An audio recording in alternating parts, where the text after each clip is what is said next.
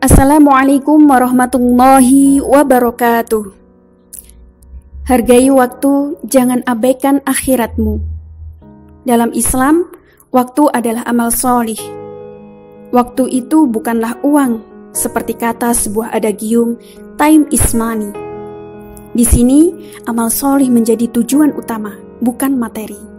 Bukan berarti Islam itu anti uang. Akan tetapi yang lebih tepat kita katakan, uang atau materi menjadi sarana untuk beramal solih, bukan tujuan utama atau menjadi big goal. Adagium time is money adalah prinsip kaum materialisme. Orang yang tidak memanfaatkan waktu-waktu luangnya oleh Al-Quran disebut sebagai orang yang merugi. Antakula nafsi ya hasrata ala ma farad في جنب الله وإن كنت لمن الساخرين Supaya jangan ada orang yang mengatakan amat besar penyesalanku atas kelalaianku dalam menunaikan kewajiban terhadap Allah. Sedang aku sesungguhnya termasuk orang-orang yang memperolok-olokkan agama Allah. Quran Surah Az-Zumar ayat 56 Orang merugi adalah orang yang tidak memanfaatkan aktivitasnya untuk kehidupan abadi, yaitu kehidupan setelah mati.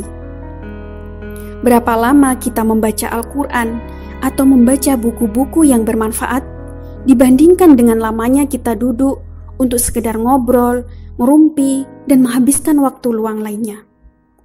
Berapa jam kita menonton tayangan televisi dan tidur dibandingkan dengan lamanya kita beribadah.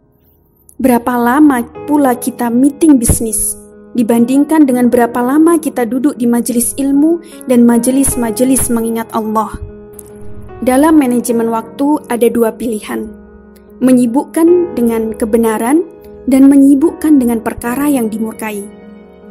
Waktu kosong yang digunakan untuk hal-hal yang tidak berguna pada akhirnya akan mengantarkan kepada kegiatan-kegiatan yang dimurkai. Imam Ash-Syafi'i pernah mengatakan, jika Anda tidak menyibukkan diri Anda dengan kebenaran, maka waktu akan menyibukkan Anda dengan kebatilan. Allah Subhanahu wa taala menyebutkan sifat-sifat orang yang beruntung, yaitu mereka yang mampu menjaga waktunya dengan beriman dan beramal solih. Dijelaskan dalam Quran Surah Al-Asr ayat 1 sampai dengan 3. Demi masa, sesungguhnya manusia itu benar-benar dalam kerugian, kecuali orang-orang yang beriman dan mengerjakan amal solih, serta saling menasehati supaya mentaati kebenaran dan saling menasehati supaya menetapi kesabaran. Dalam ayat ini kita bisa menarik pelajaran penting mengenai waktu, yaitu istilah waktu dengan empat hal: menjaga iman, mengerjakan amal solih, menasehati dalam kebenaran, dan menasehati dalam kesabaran. Waktu adalah amanah Allah yang diembankan kepada manusia. Kita semua akan dimintai pertanggungjawaban di akhirat kelak. Rasulullah Shallallahu Alaihi Wasallam bersabda, tidak akan beranjak kaki seorang hamba di akhirat kecuali setelah ditanya tentang empat perkara.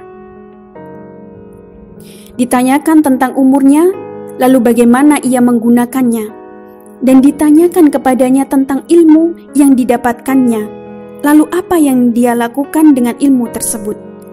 Ditanyakan kepadanya tentang harta yang ia dapatkan dari mana ia mendapatkannya, dan ke mana harta dibelanjakan dan ditanyakan kepadanya tentang jasadnya, lalu ke mana dipergunakannya. Hadis riwayat At-Tirmidzi. Pantas saja Imam Fakhruddin Ar-Razi begitu menghargai waktu setinggi-tingginya. Tiada celah sedikit pun ia berikan untuk hal-hal yang tidak berguna.